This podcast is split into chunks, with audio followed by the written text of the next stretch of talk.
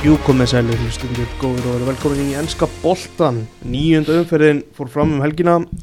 Reynda bara svo áttunda hjá mörgum og sjöunda hjá sumum.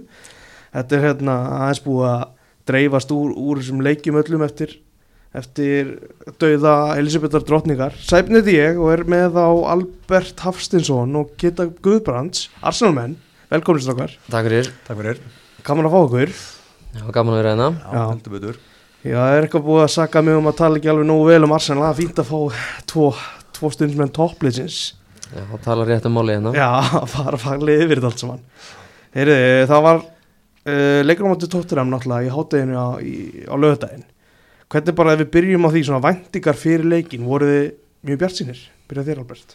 Já, þau hefur alltaf gengið vel með tóttunum á heimavalli og þetta hafa verið, hvað voru ekki að tala um einhverja 11 leikir í rauð án, án, án taps Mm. og þú veist bara með hvernig leikinir hjá tóttunum hafa verið undarfarið ekkit, ekkit sérstaklega sannfærandi og á meðan Arsenal hefur verið að taka sína leiki svona nokkuð sannfærandi og, og tapið á móti United fannst mér ekki, ekki verðskulda þannig að fyrir leik þá bjóst ég bara við nákvæmlega því sem að gerðist sko Já.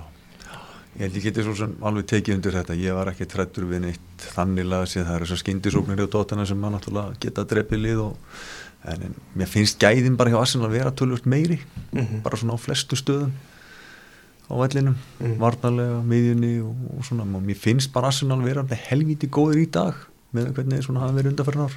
Þetta er svona orðin góður og þéttur hópur í dag og, fullt af flottum mönnum. Þannig að í sjálfsög var ég ekkert rosalega hrættur en veist, þetta er fljótt að breytast og tóttinum er alveg gott lið og það, er, það má lítið út að bregða til þess að hlutinni bara að menn þessu hlutin úr höndunum. Akkurat, Arsenal er svona að eða byrjað, það hefur verið gegnum tíðin að, lið vill stjórna leikjum Já, og á meðan að verið undir stjórn konti vill sitja tilbaka. Já, þannig að þetta var svona tvær ólíkar nálganir á leikin en, en Arsenal er bara greinlega orðið það gott ef stjórna leikjum að það var ekkert eitthvað vesen þessar skyndisóknir hjá Tottenham ekki rauninni ráði. Ekki þannig sko maður, þú, þeir fengu nokkuð góð, góð tækifar á að búa til góða skindisóknir í fyriráleik en, en svona síðasta sendingin hjá hann var alveg rosalega léleg Mm. og meiri sér í, í þessu tilfelli það sem þeir fá víti það er líka léleg sending sko mm.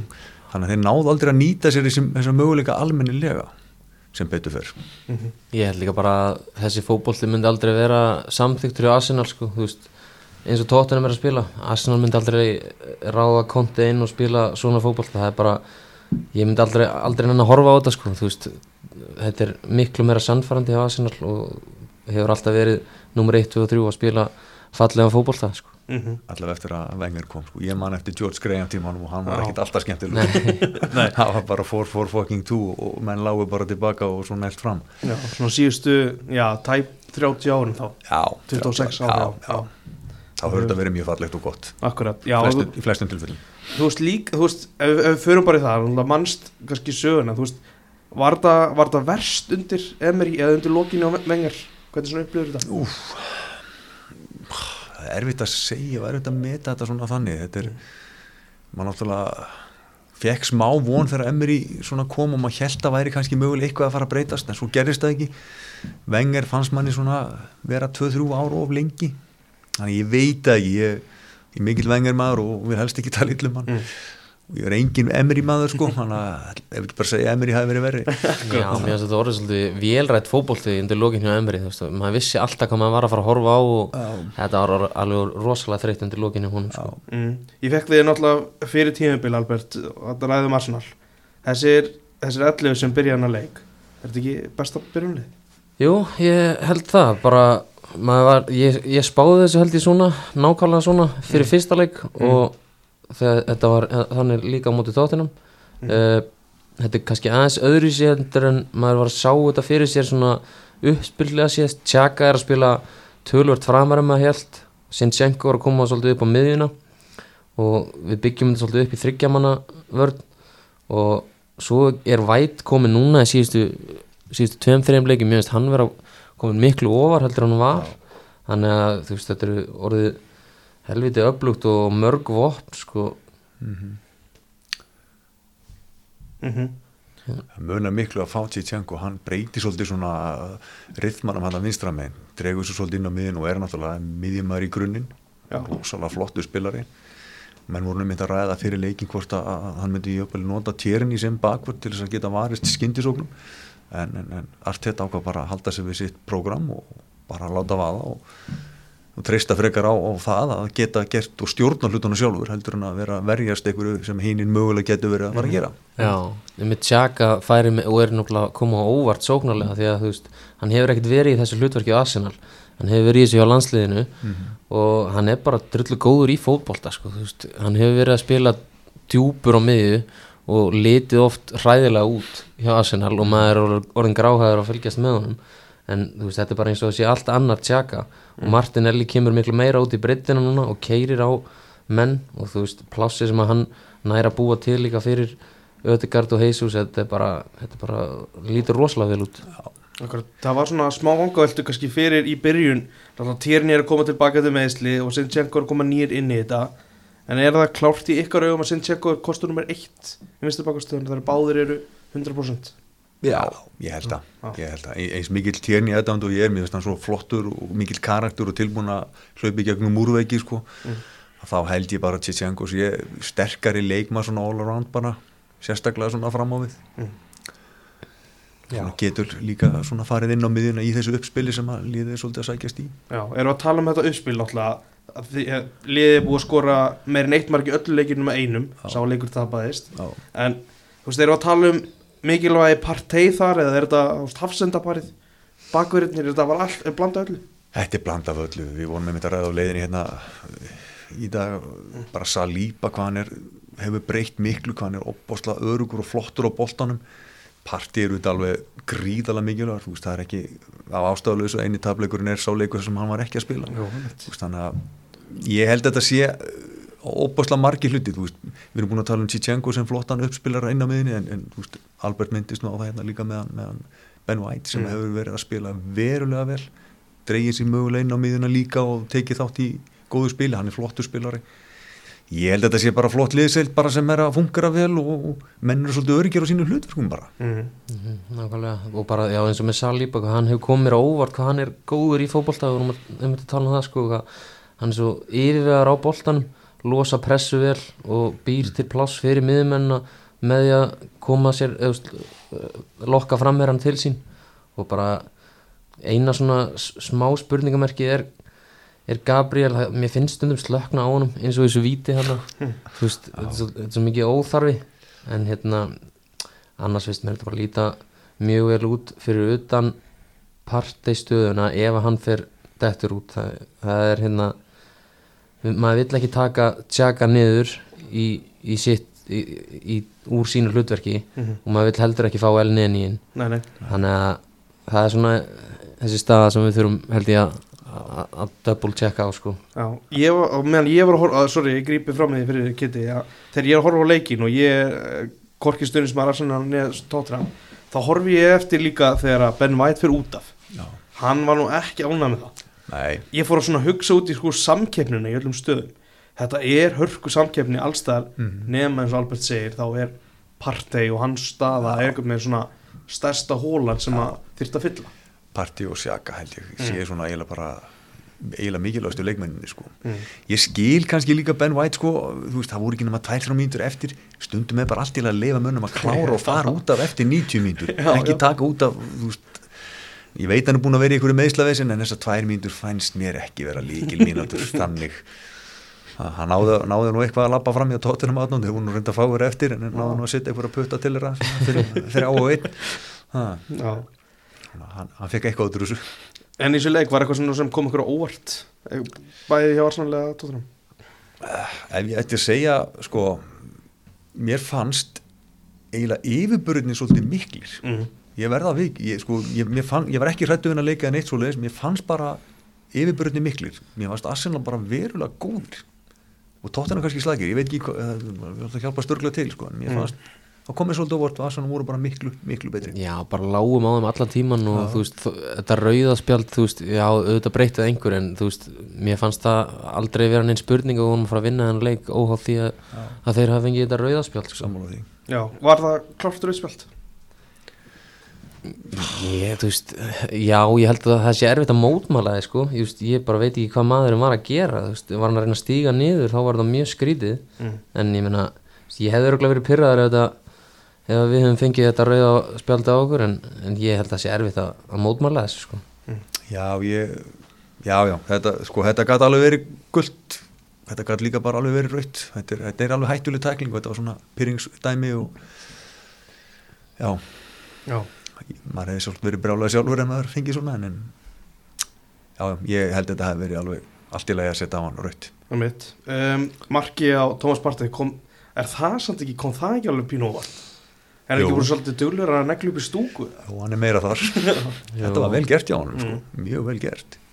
Já, sko, hann á þetta nú samt í vopnabúrunu, þessi, Já. þessi lö- löngu skot og maður heyrið þeir kalla ofta á hann að að skjóta þegar hann- að er í séns og hann bara tók hann það vel, ég menna, þetta var bara frábært skot, sko. Já, Já. virkilega flott.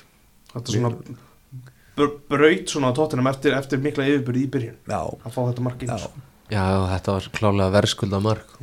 Þú tekur svolítið svona vopnið frá tóttina með því að skora á undan sko, þú veist, þá getur ekki leiði vörn og treyst og skindir, þarna þurftu þeir að fara að gera eitthvað sem þeir reyndar gerðu. jú, jú.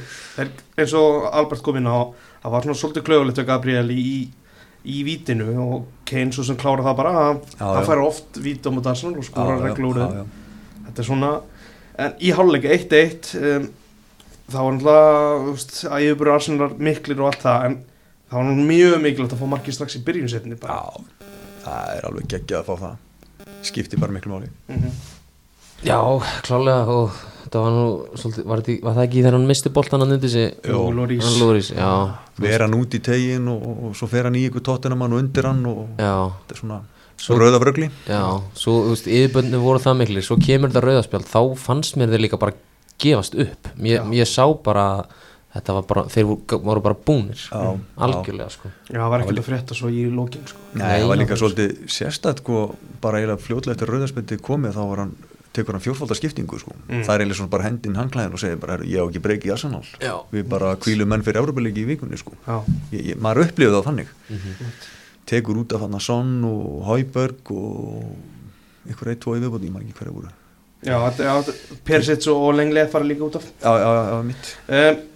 um, Hérna, Sjaka náttúrulega skorur þetta mark eins og við erum búin að hrósa orðið mikið. Það er svona breytta hlutverki, sóknar sinna um, Já, hann er, hann er einn af þessum mikilvægstu postum í liðinu Albert. Já, eins og ég segi, þetta bara hefur komið mér svolítið mikið óvart og, og, og hérna, hann skuli fá að vera svona ofalega líka, þú veist, maður var ekki beint að búast við þessu, maður held að það myndi halda svona tveim nokkuð djúpum og þá ef einhver hefði farið í þetta hlutverk sem tjakaðar í þá hefði það kannski verið Vieira eða Ödegard eða Smithrow en, en hann er bara fullkomin í þetta hlutverk og bara komið sér í hættulega stöður og bara já, eins og ég segi, bara því lítið ánægða með hann. Mhm. alveg sammáli sem Albert segir á hann. Hann er náttúrulega bara verulega góðu fótballtamaður maður er bara að horfa á þetta svisneska landslið í, í ykkur nokkur áhrifna og, og alltaf bara mjög góður á öllum stórmótum og það er náttúrulega bara þú veist, þeir hafa náttúrulega marga góða leikmenn en, en Sjaka er bara algjör leiðtói þar. Og þú sér það líka bara í Arsenal-liðinu, hvað hann er mikill leiðtói var ekki ykkur kostning bara um það hver þetta var að fyrirlið Arsenal? Og hann vann þá kostningu en hann vildi það ekki. Þú veist, menn treyst á hann, menn horfa á hann sem leiðtóan og svo, þegar Arsenal skora fyrsta markið sitt í leiknum þá kallar hann hópin saman og, og, og fer yfir ykkur mál. Mhm. þannig að er, þetta er hann er að spila mjög vel sko. Já, bara sigur fyrir hann líka. Það er bara var komið með alla á móti sér Já, á tímapunkti þegar hann, hann kasta treyjunni niður. Mm -hmm. og bara þetta, þessi viðsnúningur er eiginlega bara ótrúlegur sko. hann ótrúlegur. Mhm. og bara gott fyrir hann. Akkurat. Þessi byrjun náttúrulega að frábæra á þessu tíðanbili það, kannski, það er í rauninni akkurat anstæða með við endan á síðast tíðanbili Gætu vonbriðin að hafa ekki klára mistaldasæti verið svona stór faktor í því að byrja veist, að, að nýta vonbriðin í það að byrja svona vel eitthvað með já, já, gæti alveg verið sko. Ég held svona kannski líkilatrið í þessu er, er, er, er bara þessi stefna og þessi sín sem menn höfðu bara á hvernig vildu gera hlutina inn í sumarið. Að kaupa leikmenn strax og, og klára hlutina strax og vera tilbúinu með lið strax. Ekki vera að kaupa menn í ágúst 2-3 líkilmenn og fara með lið sem verður ekki klárt. Tökum Jesus aðna, við tökum Tjichenko og, og, já, það ekki, já, og Salíba kemur inn, þannig að við erum bara klári með það lið sem menn vildu fara með inn í mótið. Ég held að það sé nú kannski svona líkir faktorin í þessu. Mm, og líka bara munurinn á að vera með Jesus og, og laka sett þannig frammi. Það er bara, það er ekki hægt að lýsa þessu sko. Þetta, þetta er bara allt annað og bara breytist allt við þessa, þessa einu skiptingu sko. Já, sammála því. Nokkur orðum um tóttinum, er þetta, þú veist, er bara mistar alltaf seti, er það sem að þeir eiga að vera að horfa í? Já, eða, þú veist mér, ég veit ekki af hverju menn voru svona spenntið fyrir þessu tóttunum liði, ég veit að ég er kannski smá litað þar hérna en, en mér finnst þetta bara ekkert spennandi lið sko, þú veist þetta er, þetta er nei, neikvæða fótbolti finnst mér. Og fimm manna vörð með lélega bakverði. Miðjumennin eru mjög varnasinnaðir mm -hmm. uh, þú veist, já, Kane og Son. Ég, finnst þetta ekki mjög spennandi lið sko. Nei.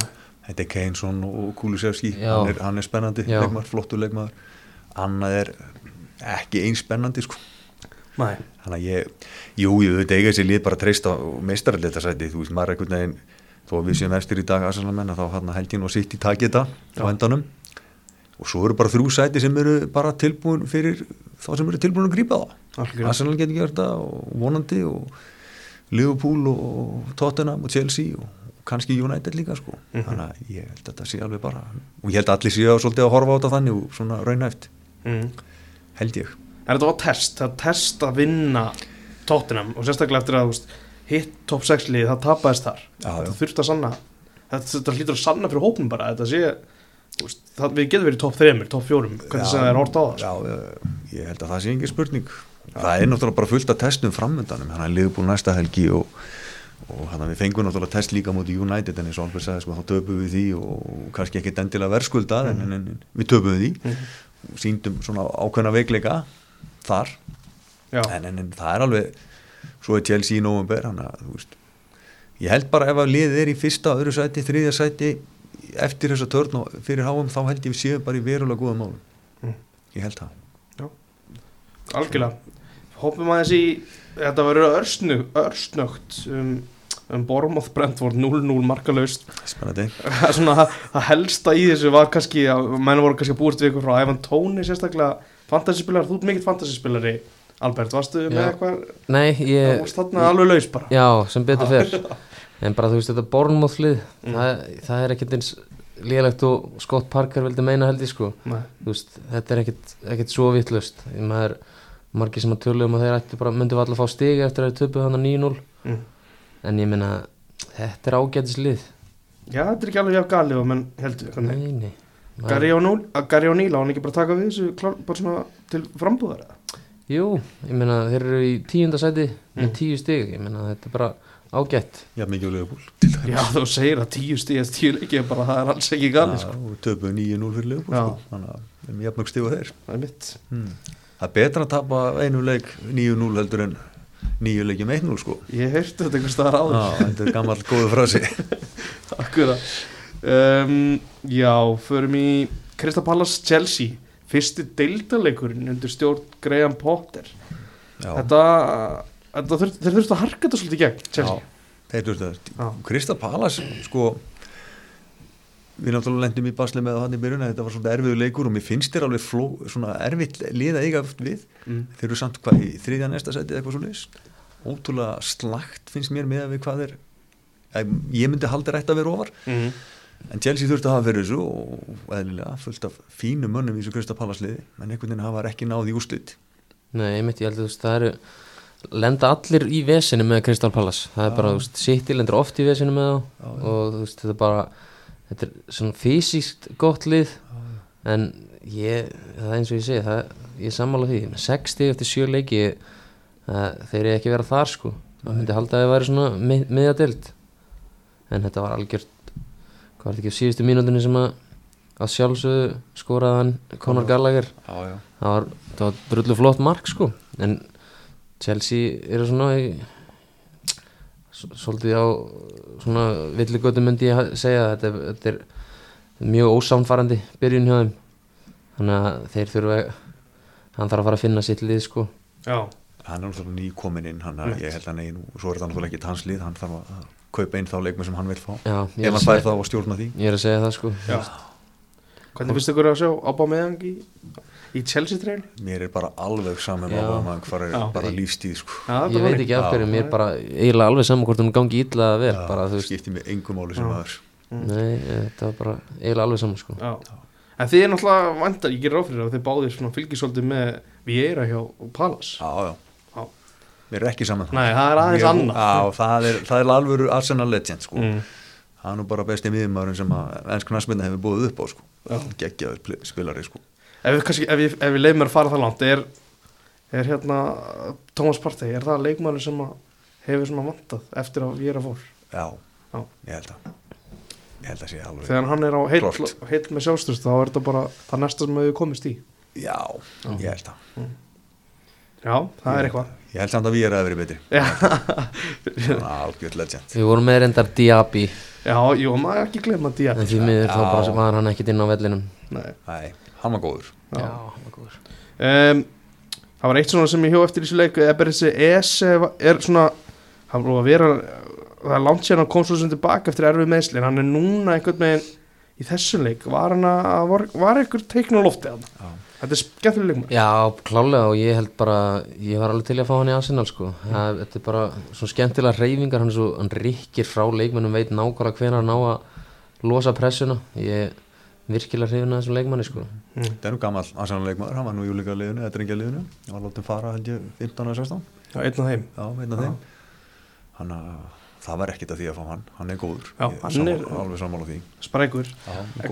Kannski samt svona aðalatri í þessu leik er þetta gula spjald sem hefði kannski hægt að vera raukt og Tíako Silva ég bara, mér finnst þetta allan daginn raut Já. ég bara eiginlega næ ekki hvernig er hægt að hafa þetta ekki raut mm. Það er svo augljóst að hann er að reyna þetta. Já, allan þá það er ekkert hægt að sleppa því sko. Hann er að fara einn í gegn. Þú veist, það er öðru sig kannski hann hefði verið standandi og fengið hann í sig hann er að vippa honum fram hjá honum en hann bara færir höndina fyrir. Þetta er bara þetta verður að gefa raut fyrir þetta sko. Hann sérst rennur eða dettur eitthvað með og svo slæri í boltan Slær. auðvitaðinni og er aftastur Já, og hann veit að hann er að missa mannin framfyrir sig og bara færir höndin og grípur í boltan Mm. sóknarmaðurinn er að fara að taka bótt Já, þegar hann já. reykur hendin í hann sko. Þetta er bara Það rautt. þetta er bara raut, allan daginn, það er ekki hægt að segja annað. Það er eitthvað með, það konsoli er ekkert óvart að hann hvað held ég að bara veri já, fimm myndir setna þá, já, leggur hann upp jöfnumarkið Já, já, En skrítið líka í svona tilfelli og var skul ekki grípa þarna inni Mm. og, og bara útkljá þetta Þetta- þetta, þetta er svo augljóst eitthvað nei.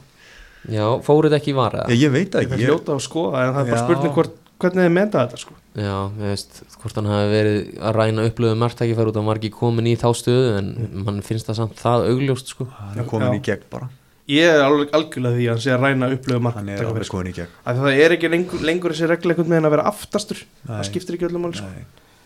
En já, þetta var gífulega mikilvægt að ég fyrir lánsmaður Palas Conor Gallagher hafi sett þetta sigumark, já mikilvægt fyrir Chelsea. Mikilvægt fyrir Chelsea. Já, alvöru mark líka. Já, þetta var flott mark. þeir eru með alvöru lið sko, þessi hópur, ef maður hefði skoðað hann hóp bara fyrir tveimur árum og hugsa að þetta, þetta er bara alvöru lið sko, alvöru peningar búin að eyða í þetta. Mm. þannig að þú veist þetta, maður, hann verður að eins og ég segi, ég held að hann mun ekkit fá okkur svakalega langan tíma. Nei, Potter. Nei, ekkit frekar en einhver annar sko, þú veist, þetta er bara rúðflæsi á þeim sko. Já.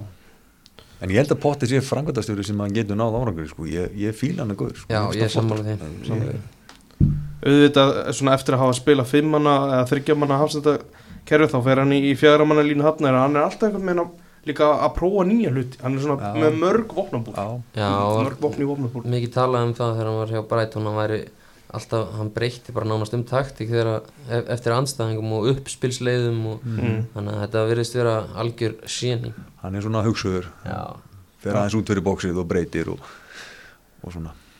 Algjörlega. Augrar leikmönnum svolítið leifir þeim að þessast lætur og prófa nýtt. Það er mitt. Þetta er einhvern veginn það verður spennandi að sjá hvernig þetta heldur áfram hjá þeim. Já, uh, höldum okkur áfram í, í Lundunum það er fúla með eitt Newcastle fjögur um, sáleikur einhvern veginn það er svona stór faktur í þeim leik er, er rauðaspelda á Nathan, Nathaniel Chaloba í, í, í fyrirháleik ekki bara klárt veitt hvað er hann að gera? ah, Ég veit ekki. Eh, Hann er allavega ekki að hugsa. Nei, hann er bara áttundi mínútu líka bara bombar í þetta. Já, já. þetta er leiðilegt bara fyrir leikmenn sko, búin að undirbúa í alla vik eða vikuna hvað var þetta? Allt, allt landsleikir. svo eru átta mínútur búnar og meistarinn hendi bara í þetta. Þetta er. Þetta er mjög þreytt. Bara allt var í vaskin. Um, Mikola Almirón hann átti alveg leik. Já, hann dettur oft inn með með svona framistöður það sem hann skorar tvöðu og leggur upp tvöðu þetta er, virðist vera svona upp og niður leikmaður, Mm. Grílis gerir nú mikið grín á honum hérna þegar að sitt í vann titilin og ég held að hann hefur bara tekið því persónulega, hann er búin að skora fleiri mörg en hann síðan þá. Mm. en þetta njúkastlið bara lítur nokkuð vel út og ég held að, að hérna, þeir séu bara með rétta mannin við stjórnvölinu þar sko. Já, þetta er einhvern veginn það er góð áhrif yfir þessu einhvern- það er svona, þú veist, samt einhvern veginn vesen að vinna að þetta kemur þetta samfærandi Já, Já, ég, ég, ég er alveg samanlega alberti með hennan Eddie Há, mér finnst hann alveg flottu frangátastjóri og mm. hann gerir rosa flotta hluti með, með þetta bormólhlið mm og svo náttúrulega kemur alltaf ákveðnum endapunkti bara, þú ferð ekkert lengra með þessa hluti og, og, hana, og ég held að hann verði flottur þarna, það er, mér finnst ég líka að vera að gera þetta svolítið skynsamlega, þeir eru að svona kaupa hægt og rólegin, byrja ekki að því að taka inn alla stórstjörnunar og breyta öllu og Nei, alltaf svona að reyna að vinna þetta svona í rólegheitum já, með svona góðan enskan kjarnar líka. Akkurat, skipti máli. Sean Longstaff síndi United hverju þeir eru að missa af orðaði við á held ég fyrir þremur árum á okkur risa pening Já, já, Þannig að núna er að, hann er að sína eitthvað. Hann er að sína eitthvað. Það komið að því hjá honum. Um, er með góða leikmið svo Gímari og Já, frábærlega manna lið sko. Já, það eru fullt af flottum leikmönnum í svo liði, mjög góðum leikmönnum. um, Hérna Mitrovic fyrir að velli held ég vegna meðsla alveg öruglega Já, það eru ekki sérstök tíðindi fyrir fúlan og bara segja sér sjálft. Hann er algjör líkil maður þar. Já um, Hvað svona hvað getur við séð frá núkli getur við séð á top 6 nei ég held þeir eru sjöndarsæti Já, já, ég, ég held það, ég held að sjöndasæti sé svona maximum Mm. mm. Ek, ég, top 6 er held ég, held ég aðeins svo mikið, þú veist, liðbúlur á eftir að fara í Jú, gang jú. Þannig að já, sjöndasæti, ég held að það væri líka bara frábær árangur fyrir það, sko Það gætu þetta alveg gerst að eitthvað eitt lið laumi sér upp fyrir eitthvað þannig, sko. Já, já. Maður veit það ekki, en, en það er þá spurning hvaða liti eftir úr þessu top 6. Ég, Við erum með ennþá með Brighton hann í top 6 núna. Já, já, ég menna, En eins og þú segir Liverpool á eftir kannski að rétta skútinu sko. Já, já, já. Akkurat. Um, Já, var eitthvað fleira í þessu? Nei. Bara markið hérna hjá Almírun var Er já. sturlað. Þetta var ekki fyrramarkið Jú, Jú, Það var alveg slúk alveg bara volli í Volley fjær hérna. samskiptin það var óvænt. Já hann gerir þetta ekki aftur samt. Nei, Nei, ég var stuðan sko. Hann er búið með þetta. Já Stert að að gera þetta án Ísak og, og, og Saint Maximin sko. Algjörlega um, Anfield 3-3 já. Hvað er, að, hvað er að gerast hjá Liverpool? Ertu með eitthvað sko, sterkar skoðun á þessu kiti? Nei, sko, það er náttúrulega, það kemur náttúrulega alltaf að einhverjum svona downtím hjá liðum, sko, og ég, mér finnst reynda svona þegar ég var að horfa á því í sumar og menn voru svona að velta fyrir sér einhverju leikmann að kaupum og svona, mér fannst alltaf eins og liðbúl þyrst að kaupa sér 1-2 miðjumenn, Mm. yngja aðeins upp þar. Tiago er frábær leikmann, hann spilar ekki nóg mikið og hann er ekkit rosalega fljótur eða svona kröftur. Henderson er svona búið með sennilega mest og eða, sína bestu daga sko. Mhm. Milner líka og, svo er það náttúrulega bara Fabio, Fabio hann, sko. það er ekkert nýtt að koma inn. Ég heldur þurfi aðeins að, að fá svona ferskari menn inn á miðuna svo náttúrulega horfið maður á bara match of the day til dæmis og þá var einmitt að vera að ræða þetta sko. bara það er engin kraftur í einu eða neinu þarna, hafsetnandi droppa frá sendiruna þeir snúa sér við og sendi í gegn. Það var einhvern veginn svona þetta er rosalega ólíkt liðbúl eins og eru búin að vera undan fyrir 2-3 ár. Já, þeir, sko, þeir missa besta manni sinn til bæja munn hérna, það held ég náttúrulega sé bara svolítið leiki latrið hann veist, hann Sadio Mane var að sprengja upp þessa leiki, hann vann allar einn og einn stöður. Og hann átti svo auðvelt með að fara fram með mönnum og bjóð til svo mikið pláss fyrir Sala Mm. og þeir fá hennan Darvin Núnes í staðinn sem er náttúrulega bara ekkit, ekkit lík, líkur leikmaður en hann er náttúrulega búin að vera bara því lík vonbriði það er held ég bara svolítið vannmetið að missa Sadio Mane. Það verðist alveg vera. Já. Það er bara svolis og Van Dijk er náttúrulega bara búin að líta hræðil út alveg svo trend og Já, já. þetta, já, þetta er svolítið Robertson er dóttur út úr liðinu. Mm. hann er á meittur held ég hann er samt búin að vera inn og út sko. það Já. tekin út af bara eftir klukkutíma yfirleitt og, og það sem kemur inn, hann setur alltaf millinir inn á, á 6000 fyrir bakvörð ég, ég veit ekki af hverju ég veit að stuðnismenn liðbúlur er orðin vel þreyttir á þessum millinir skiptingu sko, hann er að spila allt og mikið með hvað hann getur. Mhm. Já, já, hann er þálega 38 ára gammal líka og það er. Hvað það er kortir í 50 bara. kortir í 50 Já. sko, það er alveg þetta á minnaldur sko. Mhm. Mhm. Þetta er eitthvað, þú veist, eins og konstinum með Tiago, það er svona líka svolítið tempóleysi í honum, það er alltaf sami, sama tempó, það er hann er lítil sprengi í honum. Mhm. og sammála með, eins og Al- Albert kemur með manni, þú veist, bara það einfalda lustnir í sóknarleikum hefur bara áhrif á all lið. já, hann gerir það Þeir, þeir eru, það er bara auðveldar að sækja, Mhm. auðveldar að koma bóltan teg, Mhm. mingar vantarlega þá bara álægi á varnarlínu sem búin að vera meira heldur en bara, já, síðustu ár. já, já, algjörlega Já, þeir keiftur enda miðjumann eða fengur lánan hann hann Arturo Melo hann frá Juventus Hann er flottur á bekknum, hann er flottur á bekknum en, en það voru mörglið sem voru búin að fá bóðum það að geta tekið hann að láni og það voru öll sem neytu en Liverpool endaði að taka hann. Sem kom hann svolítið óvart. Já, mjög, mjög spes sko. Og líka bara alveg í lokin á glukkanum, þú veist, ekkert undirbúið sem er mjög ólíkt klopp finnst mér, mér finnst hann alltaf vera svona klár með hvað hann vill. Þess vegna var þetta mjög spes köp Það kemur aðeins óvart líka því að maður heyrði að Arsenal var að reyna að kaupa miðjumann á gluggadeginum. já, Þeir fóru svona reyndu mikið við Douglas Lewis. já, já, Það gerðist ekki. Þú veist, þeir allavega, þeir fara ekki í Artur Melo. sko. Þeir, þeir, þeir, það var, sko í janúari fyrra var mikið rætt um það að Arturo Melo væri að koma til Arsenal Mm. en, en, en Arsenal ákvað að taka hann ekki fannst hann ekki passa inn í sitt system og, og þá var hann bara úr myndinni Já, það líka náttúrulega yfirleitt að ástæð fyrir að liður eru tilbúin að láta leikum að fara. já, já, Sérstaklega í þessu tilviki, hann, er bara ekki, hann var ekki neinum plönum með Juventus. sko. Nei, nei, ekki neinu En bara þú veist í þessu leik ef við förum aðeins í, í, í Brighton það var einhver svona, einhver sérfrækkur sem var að tala um að þetta væri þetta væri ennþá djarvar heldur en undir Potter það sem hefur voru sín heldur já, bara Já. frábær sóknarleikur mhm, Ég meina, já, sko, Trossard, þessi er náttúrulega ekki eðla góðu leikmaður, sko, Mm. ég, ég held að hann gæti vel verið að spila ofar og þú veist, hann myndi örgulega vel bara í stórliði í Ítalíu eða á Spáni, hann er bara, hann kemst í belgiska landslið og það er nú ekki auðvelt. mm. Uh, svo er þetta bara, þú veist, góðir fótboltmenn, Pascal Gross, Solly Martz, þetta eru, eru svo klókir leikmenn og með á milli eru sem kraftmikli leikmenn, hann að Justi Estupínan Mm og hvað heitir hann að Kai Seito þetta eru svona kraftmikli leikmenn og svo er vörnin alltaf rock solid. Dunk, Webster, Veltmann. Já, þetta er algjörur góður kýper dunkar hérna Mm. Þú veist, Já, og rugglar ekkert í dang sko, Nei, þetta er solid lið sem þeir eru með hann bara Danny Welbeck. Það er nú bara leikmað sem er helviti góður sko. Já, var hann með um helgina eða? Já, hann já, já, hann leik. átti skad já, já, já, Danny Welbeck er svona leikmar ef hann hefði ekki lendið í þessum meðslum og verið svona meðslapissi þá hefði hann bara verið ennþá United held ég. Mm, hann er alveg góður leikmaður, já. gæði í honum. Ef við förum aftur aðeins í hérna, Mane Albert. Þú ert, eins og ég sagði, fantasispilari og hefur oft komið fram í þessum þáttum þegar þú ert hérna gestur. Þú sér það vantilega líka á tölfræði Mó Sala svolítið. Hvað er að, þú veist, hvað vantar hann að sóknarlega hjá Ljóf? Akkurat, ég enda er ég búin að losa mig við hann. Uh, Hann hérna, já eins og við segjum hann er ekkert í að koma sér í jafn hættulega stöður, hann er miklu u- utar og ég veit ekki hvað hva er að skýra það en þú veist, virðist ekki vera hérna, hvort að núna sé að spila eða ekki. Uh, bakverðin hafa náttúrulega verið mjög slakir. Mm. Trent og Robertson. Og það er spurning bara hvort að Sala hafi- hefur treysti sér ekki meira í þessar stöður.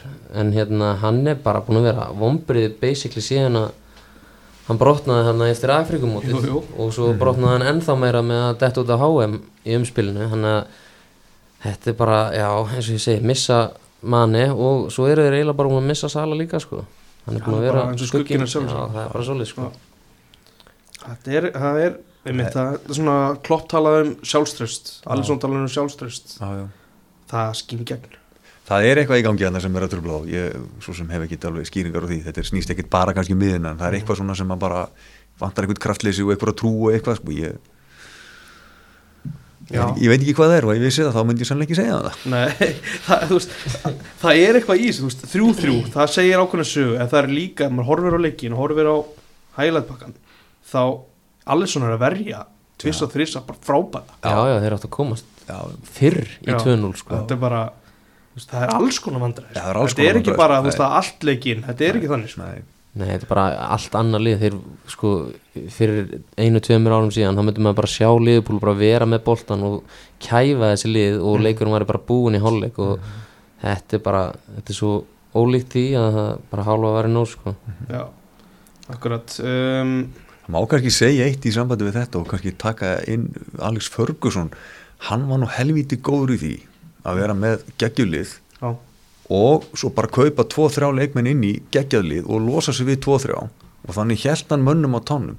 Þetta er svolítið sami hópurinn sem Leopold er búin að vera með núna. Já. kannski þarf að augra þessum hóp eitthvað og taka eitthvað inn og brjóta eitthvað. Wenger, Wenger hefði til dæmis mátt gera þetta meira. Hann gerði þetta ekki Nákvæmlega, það, þetta getur verið punktur. Þetta er alveg rétt, það eru hvað eru tveir eða þrýr sem eru réttu megin við þrítugt í þessu byrjunarliðinu? Þú veist, Mhm. Carvalho, Trent og Tsimikas. Svo er Fabinho 28 svo er restin bara Já. yfir þrítugt sko, sem Já. er alls ekki ekki gott sko. Nei, nei, það er ekki ákveðsvonlegt Nei. ekki ákjöfsumlegt í sammála því. Um, kom einhver byrjunlega hjá Leopold Óvart, þú veist byrja með Carvæjó Já, ég, ég maður myndi halda að Díaz myndi alltaf byrja. Mm. Já, ég Og- held það líka. svo Jóta eiginlega ekkert að spila heldur sko. Nei. og hann var sko, þvílíkt mikilvægur fyrir þá í fyrra. Skilaði hellinga mörgum þannig að já ég, það kom svolítið óvart. Gæti, gæti við sé ég myndi, ég myndi gera ráð fyrir að þeim báðum í byrjunleginu á, á morgun á Rangers. Já, það hlýtur að vera. Um, Nóa Leopold svo sem ekki hægt að leysa þeirra vandamál hér um, St. Mary's Southampton 1 Everton 2 Já, það er það er bara einhvern veginn svona jákvæð ára einhvern veginn yfir Everton núna Já, eftir lok gluggans þeir eru náttúrulega klára gluggan vel og eru bara búin að vera flottir á svona fyrir það þá var ég alveg farið þangað að þeir getur bara farið niður sko. Mhm. hvernig Já. er það að sjá þetta? Já, eins og þetta er þetta er að sama og sem með Newcastle þeir eru bara fá solid enska varnamenn sem að kunna þetta Mm. veist, Conor Cody og Tarkovski þetta er ekkit, þetta er bara no nonsense þeir voru með í fyrra hérna mestaran frá Barcelona hana Jerry Mina ég er í mína og Holgate. Var Þú og er þetta spes. bara þetta skipt svo miklu máli uh, svo eru komin með hana Onana á miðuna sem virðist vera algjört skrimsli Mhm. Og Mupay líka, það skiptir máli að vera með framherja, sko. þeir voru að spila á hérna Grey var að spila stundum frammi, Gordon var að spila svolítið frammi, það er alveg vonlust sko. þú voru að vera með alveg strækir og ætlar að halda þér upp í þessari dild og fyrst að hérna Calvert Lúin er ekki að halda sér heilum þá, þá þurftu þeir að taka inn strækir og svo, svo finnst mér líka Ívo Hópi búin að koma svolítið óvart, hann er bara dröllu góður Já, Wenger sagði það nú alltaf að Yvo Óbi væri engin kantmaður. Nei. hann ætti bara að byrja þar og svo myndi hann bara þróast en hann myndi alltaf enda sem miðjumar og það er það sem er að gerast í dag. Já, hann hefur skrokkin í þetta, sterkust rákur Já, hlaupagetuna líka. Hlaupagetuna, hann, hann er bara, já, bara lítið mjög vel út bara voru að koma svolítið óvart sko. það sem ég hef séð á honum er bara mjög flott. Já, það greinlega þessi vengar vissi nú eitthvað. Já, já, hann var nú ekki alveg galinn sko. Nei, eins og Albert, þú komst inn á þetta er bara, þetta er bara meira stál einhvern veginn í liðin þetta er miklu þjættara já meiri kraftur í þessu sko. þetta er bara gæja sem að kunni þetta mm. þú veist þeir, og líka bara að hafa englendinga að st- stýra þessu aftast frá Mm. veist, þeir eru með fyrirlegan í markinu svo þessi tveir hana sem ég var að nefna þetta, þetta, bara, þetta skiptir svolítið miklu máli sko, mm. voru, sérstaklega ef þú ert að lendi í vesinni þú veist, þetta, menn get, þeir geta snúið þessu við sko. Já, þetta er svolítið karakterinn bara í Everton. Everton er svona, svona ennst, ennst karakterslið sko, bara powerlið. Þú vilt ekki tafa þetta eitthvað offensi Nei, þeir eru ekki þar, þeir eru bara svona fjóri, fjóri, tveir bara og læti og bara upp á kantinn og bara fyrir og svo bara koma einhverju tveir durgar og Já, ráðast á boltan einmitt bara einfalt í stúkunni Everton, Everton, Everton. Ekkert vera flækið Það er svolítið það sko. Já, og alveg sem hún segir, eins og með hafsendan að taka Conor Cody hérna inn og, og Tarkovski sem er algjörlega búin að sanna sér mm. til sem bara solid flottir hafsendar sko. Einmitt. Ég las svolítið um Jordan Pickford um helgina. Hann er búin að vera talsveit betri núna hjá Lampard heldur hann hefur verið Já, hann er búin að vera svona svolítið eins og enski landslismæður Pickford Mhm. á undanferðinu hjá Everton en er það ekki bara því að hann er með betri hafsendar fyrir fram að sig heldur Jú. en var með Það held ég Þetta hjálpar alltaf ég vel saman sko reynsa rusl að boltan Já. frá mm. en hvað, af hverju var hann ekki með í í landsleikinum og svo er hann bara klár hana það var einhver meðsli á hann sko. það var eitthvað, hefur eitthvað lítið já, það var smávægilegt sko. Það var eins og með Lórís, hann var ekki með franska nei. það var eitthvað svipað held ég en já, hann verður held ég bara nummer eitt mm. hjá Southgate, það er bara hans maður Póp alltaf síndi ekkert til Nei. þess að sanna eitthvað annað sko. nei, nei, hann mistar hann undir sig og já, ég pópar ekkit góður ekki maður í þetta. Nei, nei, Ramstil var alltaf að vera undan honum. Já, já, ég, ég get alveg stýst að bakka það upp sko. Já, já, allan daginn. En þetta verður bara pickvort þetta er bara, hann verðist vera hans maður bara, Já, þú veist, það er bara þannig, ég meina hann er spilaði alla landsleiki og það, hann var að spila með vali að, að meðan aðri voru í Arsenal þannig að mm svona er þetta bara svona er þetta bara. Um, Sándón, það er eitthvað það er svona bras en það kannski kemur ekkert á óvart. Þetta er náttúrulega bara korn ungt lið. Já, Þetta er svona kotnútlið sem man bara verður alltaf miðlúslið já, og svona sellinglið. Mm. Þú veist, þeir fá einhverja góða 2-3 og svo er þeir bara seldir og svo bara reynar að finna einhverja menn annar staða frá og reyna að búa til eitthvað. Einmitt. Og svo nota unga leikmenn. Markmið hlýtur bara þú veist, að halda sér í deildinu og selja áfram. Já, Já. ég bara, það er nokkur hérna einu sinni bara sem ég þekk ekki sko. Nei, þessi, þessi varnamenn ég, ég er ekki einu sinni alveg klára á hverju allir eru. Nei, nei. þetta snýst bara svolítið um að Ward Prowse skili sínu og þá halda þær sér uppi. Hann er bara góðu leikmenni nokkur er hérna sóknarlega Maitland Niles sem mættur hana Mm. Meillan næls, þannig að þá halda þær sér uppi. Þá halda þessu uppi. Það er nú heldur betur maður svo tristir á. Já. voru ekki hérna tíðindið að því að Arsenal hafi reyndið að fá hann að lafi að strák það var það Chelsea? Ég get Það er að- Chelsea. á, Chelsea hefur reyndið að fá hann aftur. Chelsea reyndi Já. Lavi er meittur og þeir saknar Er það ekki miðið maðurinn? Jú, hann er Já. 18 ára eitthvað. Já, 18 ára. Efnilegur pjakkur sko. Já, um, Loka leikurinn á, á laugadaginn Vestham 2, Wolves 0 Það var komin svolítið pressa á báðastjóra Mois og Bruno Las já. Og neðurstaðan að Bruno Las fekk sparki það kemur kannski ekki óvart. Nei, ekki þannig sko. Þetta er bara harður heimur og, og ef þú skilar ekki góðum úrslutum og þá bara finnar einhvern annan. Mhm. Þannig virkar þetta bara. Já, eins og umjöld og það er alltaf reynd var einhvern veginn var búið að tala um fyrir leika það sem myndi tapa þessar leikir í reikin og það bara gerðist. Já, það er umgerist þeir þeir eru með gott lið vúls og þeir eru aldrei að falla sko. Þannig að svo er hann líka finnst mér að spila leðilegan fótbolta. Þeir skora lítið af mörgum og þannig ég held að hann getur að þetta verður bara að vera svona því miður. Er þið með eitthvað senda til að skora sem mörg? Er híminnes komin í einhvern gátt? Þannig að hann er, Nei. hann er ekki langt í hímines Nei, nei ég vona að Kosta verði í standi því að það er ógæðslega að fyndið að horfa á hann spila fótbolta þegar hann er í, í stuði. Hann bara hann er svo geggjaður sko. Mér finnst svo fyndið að horfa á hann. Hann var komin í nám, Já. lagði upp mark sem var dæmt af. Já, já. Mm þetta er svona típa sem hún vilt hafa með þér í liði sko þannig Já, að- gjössalega óþáland að vera móta já. En haldið hann sé að fara að gera eitthvað í. Það er sem aldrei. Ég held ekki sko en ég menna hann keirir þetta á geðuginni ég vona að hann, að hann fá að spila helling Já, svona, þeir eru náttúrulega með fína leikmenni sem þú segir, með Neves og nokkur aðra mjög góða. Potens, Neto. Neto sem við vorum að reyna að kaupa Arsenal. já, þeir eru með Semedo frá Barcelona Moutinho, þetta er bara þetta er aldrei fallið sko. Nei, nei, Nei, nei, þeir hérna komið nefis í hafsendin í, í þessu leika það er Já. smá meðsla brass á hérna Collins held ég. Það það sé að útskýra þessar uh, hræringar í vörninni. Um, Ég held ég að vera að lesa að Pedro Martins fyrir um stjóri Olympiakos er líklega til að taka við á, eða Amorim hjá Sporting. Amorín, já, ég sá það í morgun einn Já. dag.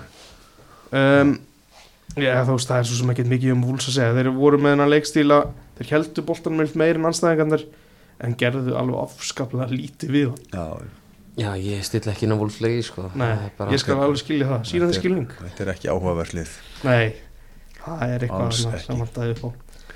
Um, En Vestam, þetta er feikilega mikilvægt að klára þetta Já. ég myndi halda það Þetta er náttúrulega klúbu sem ætti að vera gera eitthvað betur en eru að gera núna mm. og hann, þeir eru að fína leikmenn Já. finnst mér, margir mjög fínir leikmenn þarna, Ræs og Bóen og, og fleiri Mhm. þannig að þeir ættu nú að gera betur en ég er ekkit endilega vissum er hefur reikið móis eða hefur tapað þessu leik Nei, ég held ekki, ég er sko. ekkit endilega vissum það sko. ég, hann náttúrulega búin að standa ágætlega hérna í hvað, 2-3 ár Já, já, já, fengan alltaf aftur líka? Já, já, já, Eftir að hafa ekki endur saman við hann á undan? Já, já, já algjörlega. En eins og maður segir, þetta er þessi heimur er skrítin og ef að úslitin er ekki með þér að þá bara ertu látið fara og einhver annar tekinn inn. Já, þannig virkar þetta vist þannig virkar þetta bara. Já. Mhm. um, Bóen, að loksast að vakna ætlar að taka hann inn, fattar ekki Nei, ég var að valdkarta fyrir tveimur fyrir ég sleppti að taka hann. Ég, ég hugsi ég taki hann ekki inn. En þetta ég hef, ég gaman á hérna, þessum framherja. Þetta virðist Já. vera svona drullusokkur. Já, alveg verið slút hjá hann já, ég held að ég hef alveg trú á þessum leikmanni sko, það er búið að vera gaggrina mikið Mm. fyrir, skamaka já, kom inn á einhverjum leikan í Evrópudildinu um daginn Já. og átt, var vist hræðilegur og tekin út af í hálfleik. En ég held að ég held að, þessu, að maður er þetta að gefa honum smá séns. Ég held að hann að þessi góða leikmaður. Mm. ég er sammála því. Já, það er eitthvað þarna. Það er hann stór og sterkur hefur góðan Já. ágætis bolti í honum sko. Hann er flottur target strækir hann í Englandi. Mm menn ég eftir að landi vandra með hann. Algjörlega. Ekki tæpið tveir metrar þessu strákur. Jú, Jú, hann hann er hann er stór sko. Já, Já, Það er stikki sko. Já, um, Ég veit ekki alveg tveir metrar 1.95 Já, nála það er nálægt. Akkurat. Um, Ég var að fara í nýju marka leikin já, Ó, hvað með langar lítið að tala um þetta. Já. Já, það er svo það er. Erðu, 6-3 á Etihad fyrir heimamönnum í Manchester City Hvað, úst Hvað er ég að byrja? Holland til dæmis Já, byrja bara á, á norska klára það Já. norska Hvað, markaskora 14 mörk í 8 leik já, það er alveg ótrúlegt Þetta er ótrúlegt en ég veit ekki af hverju þetta kemur manni ekkert á óvart sko. Mm. Ég er bara, þetta, maður bjóst bara við að hann myndi skora og hann er bara að skora endalust og bara þetta kemur mér 14 Ekkert það á er óvart. svolítið mikið 14 Það er mörg mikið, sko. Já, það er mikið en Já. ég meina, þú veist, þetta er bara, þetta er bara vél. Veist, Ef hann er heill, þá skora hann. Já. Það er bara svolítið Sko markaföldi kemur mér alltaf minn og minn óvart Ég er alveg þar sko. Já, já, Byrja, hann byrjaði strax í byrjun þá, já, já. Og tvær stofsendingar líka sko, þannig að þetta, já, þetta var náttúrulega bara búið í hálfleik, þú veist, 4-0 já, já, þú veist þetta, þeir alltaf átt aldrei að, vera, að missa þetta í þrjú sko, þeir áttu bara áttu bara að klára þetta stærra sko Já. en, jú, Það var þessi blessaði hlutlösi gýr hann já, bara eiginlega allan setna á líkin Þetta, var, þetta var sjokkerandi fyrstu 30 minn já, hvað munurinn veist, það var eins og United átti bara ekki séns á neinum sviðum. Nei. krafturinn, bara allt. Þetta var bara svolítið, já, komið mjög mikið óvart.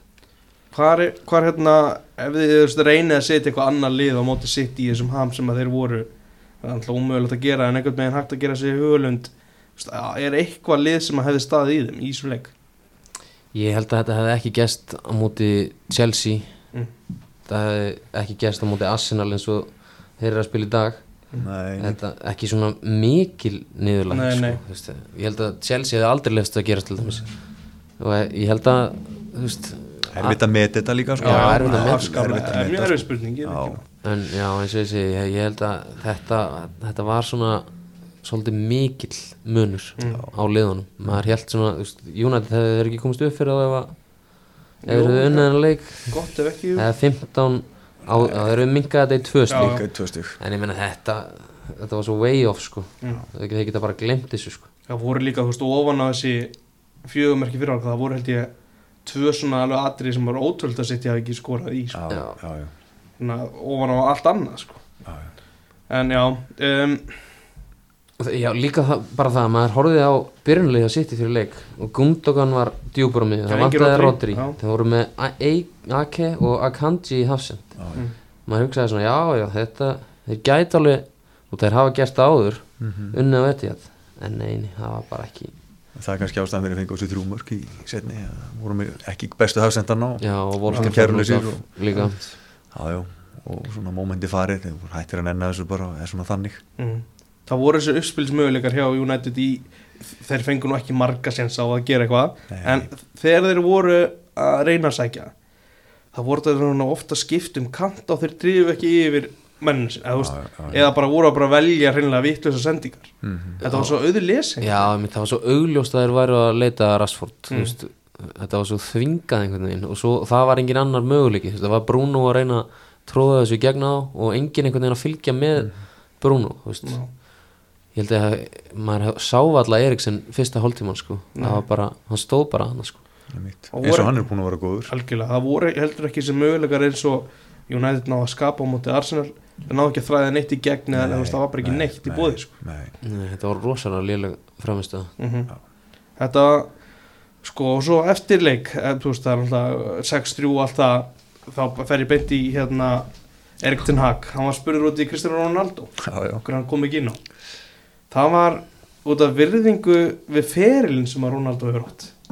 Já, um, hann setur alveg menn inn á í, í leiknum sko, Casemiro kemur inn á það er alveg gössulega vonlust það hefur hann ekki virðingu fyrir hans ferli og, er nei, þetta ekki, er ekki það svolítið ránd Jó, ég, ég skil samt hvað hann er að meina. Mm. Ég sko get lofað því að Ronaldo var ekki að nenn að koma inn á í stöðunni 4-0 Það Mm. er bara og hann hefði líka heldur ekki breytt neinu. Þannig ég skil fullkomlega hvað hann er að meina. Ég hefði ekki nefnt að koma inn á hann í stöðunni 4-0 sko. Nei. og það er svona skilum maður hvað hann er að segja með þessu. En kannski svolítið klaufalega orðað. Og ég held líka að Ronaldo hafi alveg ekkert verið pyrraður sko. Að, þú veist hvað, hann hefði ekki breytt. Hverju hefði hann breytt? Hann hefði yngur breytt. Nei, ný, svo bara þar þjálfari heldur ekkit endilega að segja eitthvað sko. Nei. bara segja bara þetta var bara niðurstaðan. Og ekkit vera að skilja eftir eitthvað. Hann var ömurlegur í þessum leikið með Portugal þessum tveim, spilaði allar já, þannig að, þú veist og sem búið með sín bestu ár sko. Það er alveg gefið. Já, því miður. Þá, þá er hérna, virðist þetta að vera bara búið hjá honum sko, já, hann spilar þessa Evrópudöldarleiki, mhm. Virðist vera. Og er að halda sér til þess að spila þetta HM svo held ég að hann segi þetta gott sko. Kallar þetta bara gott næsta sumar. Já, ég held það, ég held að hann sé bara að satsa á þetta HM mm. það hætti bara í janúar. Já, jafnvel, ég meina hann mér finnst það svo augljóst hann fær að spila allar mínútum með Portugal og ekki til United. Eða, mér finnst það bara að vera algjörlega Mm. búið sko. já, getur bara vel verið. Um, Phil Foden það verður aðeins að tala um hann líka. Já, hann var ekki, einn, það var ekki bara einn leikmaður sem skoraði þrenni í þessu leik, það voru tveir. Og De Bruyne já, já, De Bruyne var alltaf frábær í þessu leik líka. geggjar í þessu leik sko. Þetta var einhvern veginn, það voru skilabóð svona þegar að þegar að tekur De Bruyne út af í setnáleik það er 75 minnir á, á klukkunni og staðan er 6-1 Þú veist, já, Ma- ég man eftir þessu ég man 2012 held ég þegar Balotelli liftir upp treyin og I always me og eitthvað svona. Já, Þetta er bara flashback á það. Þetta er sko yfirburinnir í þessu leik Þetta var ekki eðlilegt. Nei, Nei, og þú veist þetta Þú veist, ruggli er þetta. Já, já, maður bjóst þú veist, maður bjóst við sitt í sigri en, þetta var bara, þú veist, þú lætur tvo leikmenn skora þrennu þá, þá er þetta orðið svart sko. mhm. Já. Erum við að tala um að þetta séu þrýri mikilvæg stuðu leikmenn City? De Bruyne, Holland og Foden? Já, ég með Ederson markmaðurinn og og það er mennan veist. í rótri og svona Já, ég myndi ekki setja fótinn þarna. Ég myndi segja Holland, De Bruyne og svo annarkvort Ederson eða Cancelo. Já. Já, Því að það eru svo margir sem geta leist þessa fremri stöður og geta sett Bernardo Silva fyrir framann með Grílis, Maris, já Hann, hann, þú veist, þróunur hans ferli er samt bara Hann er alltaf einhvern veginn að taka skref upp á því Já, já, hann er frábæleik Byrjaði bara eitthvað átján ára að vera flottur sko. Já, já, Já, og nú er hann orðin líka bara, mér finnst hann miklu sterkari. Mm. heldur mönnum frá sér og eldsnöggur líka. Þannig að hann er bara orðin alveg skrimsli sko. Svona verða co- complete player sko. Já, Detti þann gýr Sko, mörkin voru nokkur hver ágætt En mér var svona aðalega stóðsendingarnir í þessum mörkum bara Já. alveg styrlar Já, Hérna, markið hjá hjá Holland hvað er, það er mark nummer tvö. Já, já, geggjusending. Já, já. Rétt sneiðir hann yfir hausin á hérna Martínez mm -hmm. gefur hann klippingu. Já. og svo tegir, eftir, hann lætur hann að líta svo, Það er all, alltaf einhvern veginn auðvelt ég veit það, já, bara þræðir hann að fjara styrlu sending sko. galið að sjá þetta. Og svo Stærri Sem- hafsend hefði tekið það en ekki Já, það er mitt. Það er bara svolítið svoleiðis. Punktur. Uh, svo er stóðsendingi frá Holland á fótinn. Hún er ekki slæm heldur í hérna fyrri Nei, fyrra markinu hjá á fjárstenginu já, þeir skýla sér alltaf í þessu svæði þú veist, þetta er bara autopilot þú Þeir veist, bara klára hlaupi Já, þeir eru með bakvörð Klárir. með boltan og svo kemur alltaf einhver í svæðið hérna hjá milli vítategs og hotfána, það er alltaf tekið hlaup þar svo hamraður þessu fyrir og þá er alltaf menn mættir, þetta er bara autopilot. Mhm. ég man að ég sá hérna var ekki vestam eða jú, mannstu sitt í vestam en á lögðarsvelli, Mhm. þá voru þið bara með þetta í upphittun bara, þá voru menn bara að taka hlaup í millisvæðin og bara send, send, send Þú veist, þetta er bara, ef þú ert með boltan á þessu svæði þá hlaupa þér. Og þetta er bara, þetta er bara vél. Já, já. tikkar inn, Já. tikkar inn mörgum maður. Um, þessi tvö mörg í lokin hjá United þetta, samt, þú veist, þetta getur alveg þú veist, ekki, ekkert, ekkert blekt leikmenn þetta getur, þú veist, þetta getur alveg verið búst bara upp á framhaldi, þetta er ok, ef við endum þetta allavega allt í læg ég veit það ekki. Nei, þetta var einhvern veginn bara svona bara niðurlengi var orðin svo mikil bara í þessari 6-1 stöðu. Ég held að 6-2, 6-3 eitthvað einhvern veginn skipti ekkit öllu máli sko.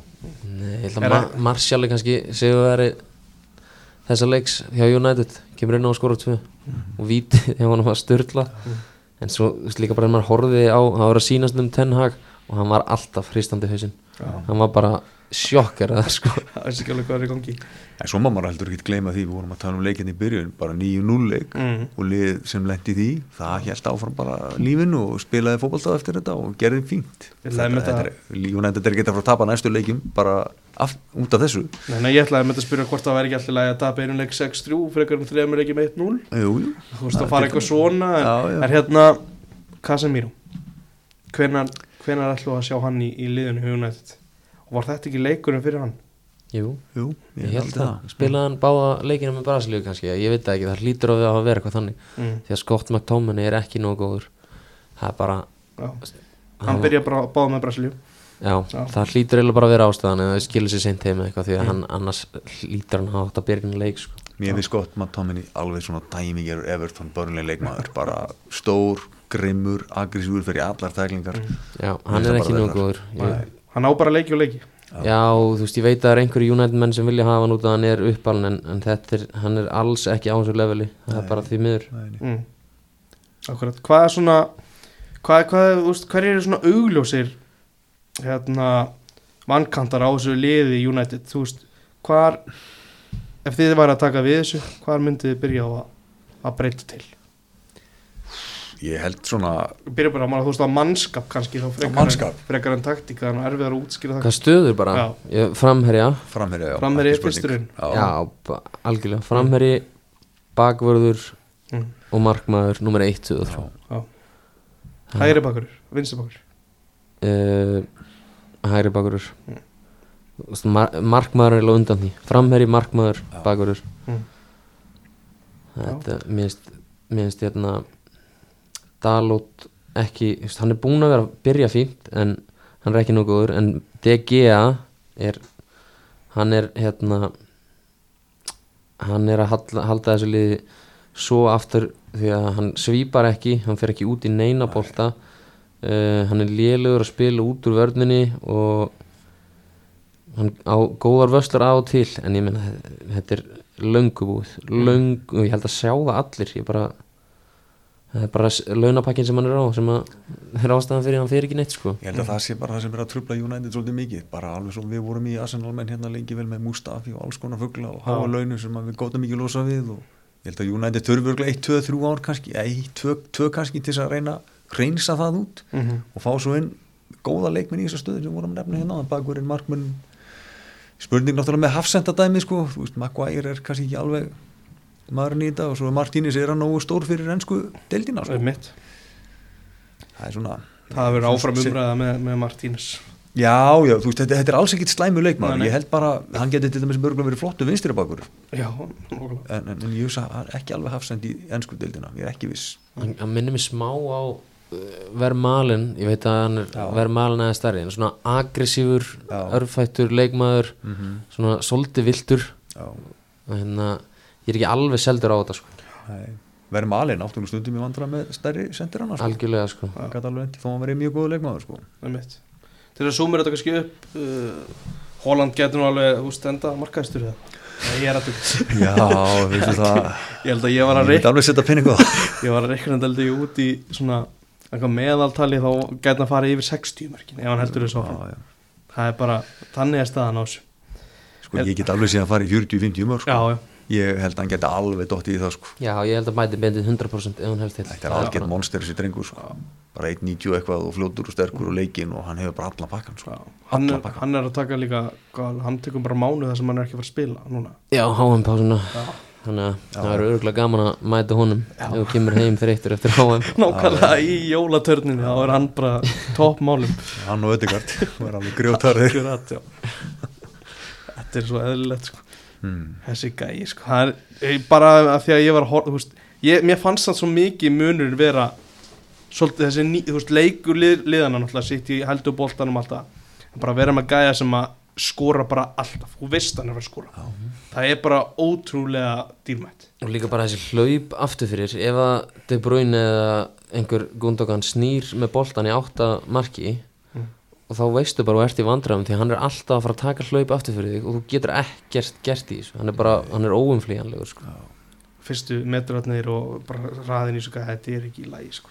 Og ofanála líka bara þú veist þetta presens sem hann hefur þessi hæð og styrkur og heldur mönnu frá sér og ert að slást við hann kannski inn í teig og fyrir utan teig og alls konar þú veist, þetta, þetta telur allt Já. þegar að fara að líða á leikina þá voru menn bara til þreytir þá var hann bara tilbúin að taka eitthvað spretti og hamra honum inn sko. Já. eru þið stressaðar þegar þið fara að mæta sitt í það? já, ef að hann ég er svona ekki tónast spáið því sko. ég, Liverpool bara ég er næst svo Dóttur ekki að skoða hvenna það er en það er bara svona ég, því ég held með United ég er farin að hugsa bara hvað hugsa önnu lið sko. horfandi á þetta rugl. Við áttum að spila við það núna í í, í oktober en Já, það var, það var frestað. átti að vera 50-dagsleikur Já. eða miðvíkudagsleikur hún var frestað vegna átt að koma PSV-leiklum fyrir. Takk ég þetta eftir áramót bara. Já, tökum við eftir árum og degt hann verður öruglega meittur það ekki verður ekki að hugsa svona. Herru, förum í loka leikum þeir hafa nú líka alveg sko sitt í hefun alveg mistið í sig sko. Já, þó já, þeir- þetta sé gríðarlega stert lið þá geta þær alveg mistið í sig eins og önnur lið. Þetta er ekki komið tvö jættabli jú, Jú. ekki Newcastle og ég man ekki svo hvað hitt var. Nei, það var fljótlega á tíðanbölinu Já. Jú, þeir eru búin að gera tvö jafntöfli á móti, nei, töpu, já, í Newcastle heim, nei, Newcastle úti Já. og Aston Villa úti. já, já, já, auðvitað. það er alltaf, það er alltaf möguleik lokaði hann á Já. eftirminnilega. Mhm. um, markalaust á Elland Road. Er heldur ekki mikið kannski þannig að leika segja eins og Bormóð Brentford. En Þeir áttu bara að klára þetta Aston Villa. já. Louis Sinistera eru þið búin að sjá setna guldspjald á? Nei, ég er ekki búin að sjá. Nei. hann fær guldspjald sem er bara rétt. Svo er hann á spjaldi þannig að ég upphæði setna áleiks og þeir er alltaf að vera snöggir að taka aukaspjald og hann setur löppin út fyrir Já. Sérst, og fer fyrir bolt já, já, það er bara alveg heilalust og þannig gerist þannig gerist og í kjölfari byrjar já, lít svolítið að tefja eftir að Aston Villa kannski eitthvað að vera að tefja fyrir áleik Mhm. Já. það er svona helsta sem ég tók út úr sem Já, var að þeir voru að skjóta hvern annan hann Þeir voru að í hver öðrum. Stjóranir Það er bara lélegt að klára þetta ekki. Þeir áttu líka að klára þetta og þeir voru með 2 í XG. Mm, já, tölfræðin er klálega með þeim í Já, varandi svona færi sköpun sko. já 2.23 á móti 0.37, hann er Mhm. 19 skot. Þannig að þeir hafa verið klauvar að klára þetta ekki. Ég horfði ekki á þannig leik. nei, ég held að svona st stærsta færi hafi verið Ollie Watkins hann fekk eitthvað skallafæri sem átt að klára svo um, er eitthvað svona þú veist, ef, við- tökum eitthvað svona lít svo ástofil eitthvað með svona saman bara svona þeirra byrjun á tímabilinu byrjum á Leeds er þetta, er þetta leikir sem þú mútið stilla inn á geti? nei, ég held ekki ég, ég setur ekki rosalega spennandi lið sko Nei. og ekki heldur ástónvilla í sjálfu sér sko ég Nei, það, það er bara... margir spennandi leikminn í þessu liðum það væri ekkert annað í gangi, þá myndum maður kannski sko. já, já, Akkurat. betri fréttir fyrst leikin og svo frétt já, fyrst leikin og svo fréttir. Jó, ég, maður horfir nú alltaf á fótbolta en svona, þetta er ekkit eitthvað sem að þetta er ekkit eitthvað sem að maður býður spenntur eftir. Nei, nei, nei, þetta er kveiki, kveiki í þér akkurat. Um, Já, þetta eru lið í neðri hlutunum já, já. Og verða þar öruglega sko þeir, svona baslásu liðum hafa ekki mikið pening og geta ekki verið að kaupa mikið. Jú, Aston Villa hefur reynda verið að gera það svona í gegnum tíðin en voru ekki mikið í sumar. Já, akkurat Þeir eru búin að vera svolítið rótira hérna Já, Coutinho og Ramsey og eitthvað með hvað búin dýja og Já, náttúrulega mistu, keiftu hafsendin og Lewis, hérna ekki Lewis frá Sevilla, Jú, mistu hans leit hásinn, það Já, var svolítið högg sko, því að hann ætlaði að henda, að Diego Carlos já, ætlaði já að Diego Carlos já, Já. hann ætlaði að henda, hérna, hvað heitir hann, hafsendin, Mings. Mings. Hann átti að fara í ruslatununa, en svo þurfti hann að rífa hann upp úr var gott að smá- geta treysta þeir eru allar að henda hann í þetta þú rýfur á það hann þú þarf að ansi góða ræðu hann keiri hann í gang. Keiri hann tröst Já. mm. Akkurat. Uh, Douglas Lewis, vil, vil ég fá hann í janúar? já, já, ég er alveg til það, Já, sko, ég ég er eiginlega bara komin á þann stað núna að ef að Edu og Arteta og þetta lið þarna sem er að sjá með þessi mál hjá Arsenal vill, þennan guður, þá er ég bara að treysta því. Mhm. ég er bara, þeir hafa ekkert verið að klikka neitt rosalega mikið núna, síðslegin tvö ár. Mm. mér finnst þetta bara allt í lægi þá. Já, mér fannst það ekkert rosalega spennandi þegar maður sá þetta fyrst. Nei, en já, ég held það ekki bara.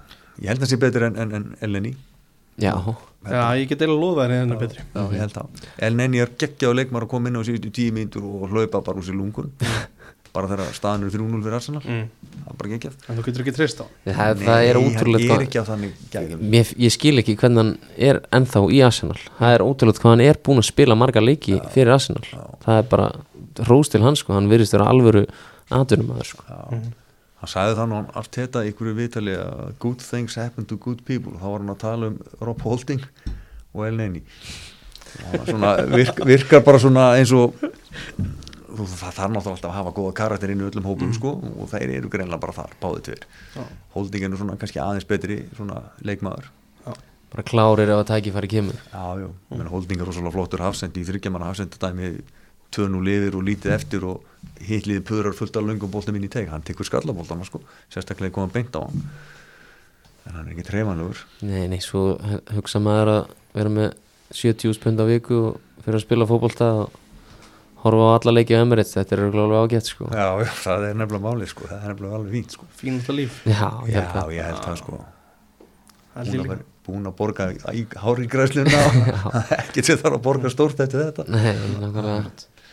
Um, Hver var hérna bestur um helgina?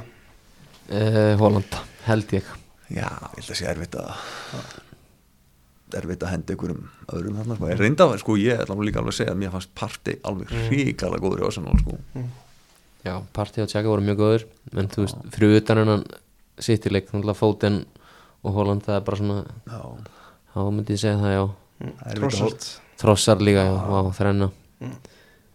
Já, þú, þú, það, er, það er alveg stór mál að setja þrennu sko. Já, það eru þrýr með þrennu. Ég þekki, ég þekki einn mann sem var með með Trossar þriðja varamann í Fantasy Já, það er Indrið Ági Sveið Já, þau knúsið hann bara eða hittið hann Nákvæðlega um, hva, Hvað svona Hvað sigur var svona mest impressiv? Var það City? Var það Arsenal? Uh, ég. Þetta eru bæ, bæ, bæði held ég svona gerðum ráð fyrir að þetta myndi gerast sko. ég held að City sé meira svona impressive sigur. Mm. Og svo myndi ég segja Newcastle vinni fúl á fjögur eitt náttúrulega- líka svolítið stórt já, sko. Vel gert sko. Já, það, er svolítið, það er svolítið statement hjá Newcastle að henda því inn. Ég er alveg svolítið sammála því. Var eitthvað, þú veist, annað sem við munum eftir um helgina sem að við gleym, fórum ekki yfir? Ég held við bara rúlaði yfir þetta allt saman, meira og minna. Já, Já, hér var Haflið að var með Hóland í gær sá ég á Instagram. Já, hann hefur verið eitthvað ræðan, það verður gaman að sjá hvað hvað hann hefur um, að, se- um það að segja. Fara yfir stórumálin. Spennandi hvað kemur úr því. Um, við, Þessi þáttur kemur út þegar leikurinn fyrir kannski að hefjast í kvöld. Um, Getum við eitthvað, þú veist, eitthvað örstögt um, um Lester, Brenda Rodgers? Er er þetta búið spil eða? Hjá Lester eða hjá Brendan? Já, já, bæði í Bæði. Ég held að Brenda Rodgers sé ekki fara að gera neitt með þetta lið. Mm. Ég bara, ég held að hann hann verði bara mjög fljóðlega aðdunlaus já, þetta fer 5-0 á allir að hæla þetta sumali Já, ég er bara einhvern veginn veist, ég hafði alltaf mikla trú á svo gaur og það getur vel verið, ég held að sé alveg fít manager. Veginn bara finnst mér staðan í dag á lestur og honum einhvern veginn. Og hann að segja ég er rétt í maðurinn í starfi þetta er einhvern veginn svona lagað bara ég, sko, Smellur alltaf í andlitið á ef þú alltaf að vera með hennan meistara í markinu eitthvað mikið lengur þá getur hann allavega þá getur ég lofað því að hann verður leikinn því að þessi þetta er einhver allra slagasti markmaður sem ég hef séð já, allavega í svona góðu liði sko. já þetta er ekki bóðulegt sko. þetta er bara varamaður í í Champions League deild sko Já. hann er bara enga með maður í þetta sko Nei. en svo hafa þeir bara svona einhvern veginn misstampin og maður var svo sem vissi það að þeir eru meistarar, þetta er því myndir sem aldrei koma aftur Já, og margir leikmið bara farnir frá þeim og þetta er einhvern veginn svona bara svona gleðinni farin úr þessu svolítið. Já, og svo er engin peningu til og það er svona- það er eitthvað brast þar líka. Já, það er eitthvað brasar og það er erfitt. Já, Nottingham Forest, er við örgulega vant, vant að taka 2-3 í viðbútt, Sennilega 2-3 Já, þá hefði þetta verið Það er náttúrulega engi peningu til þarna núna eftir eru búin að kaupa hvað 20 leikmenn? Það er bara, það er Mm. kaupa endalust Ég held að það hefði farið yfir 20 sko. Það fór í 22 leikmenn Já, leikir. 22, Já. þetta er bara Það er bara tvöni lið. ótrúlegt. Það er mjög spes, ég veit ekki hvernig það er vanlegt til árangurs. Nei, hvernig er það? Þú ert að komast upp um deild. Nei, nei, við ætlum bara að fá hérna tvo leik, einn og hálfa leikmanna hóp sko, þannig séð sko. Mhm. Ég bara áttum ekki á þessu, þú veist þeir hefðu geta kannski gett fimm mjög góða Já. og það hefði bara verið fínt er það ekki? Akkurat. Ég veist að það væri betra fyrir svona klúb að fá fimm toppleikmenn sem fara bara beint inn í byrjanlið þetta er að kaupa bara eitthvað tvö lið sem eru jafn góði eða jafn sko. þetta er, þetta er stórfurðuleg nálgun. Um, Strákar bara Kannski gengur þetta, nákvæmlega. Vonandi, vonandi fyrir Forrest. Vonandi fyrir fórust Ég þekki nokkra fórust aðdándur Já. bara takk hérlega fyrir kominu strákar. Takk sem leðis Takk sem leiðis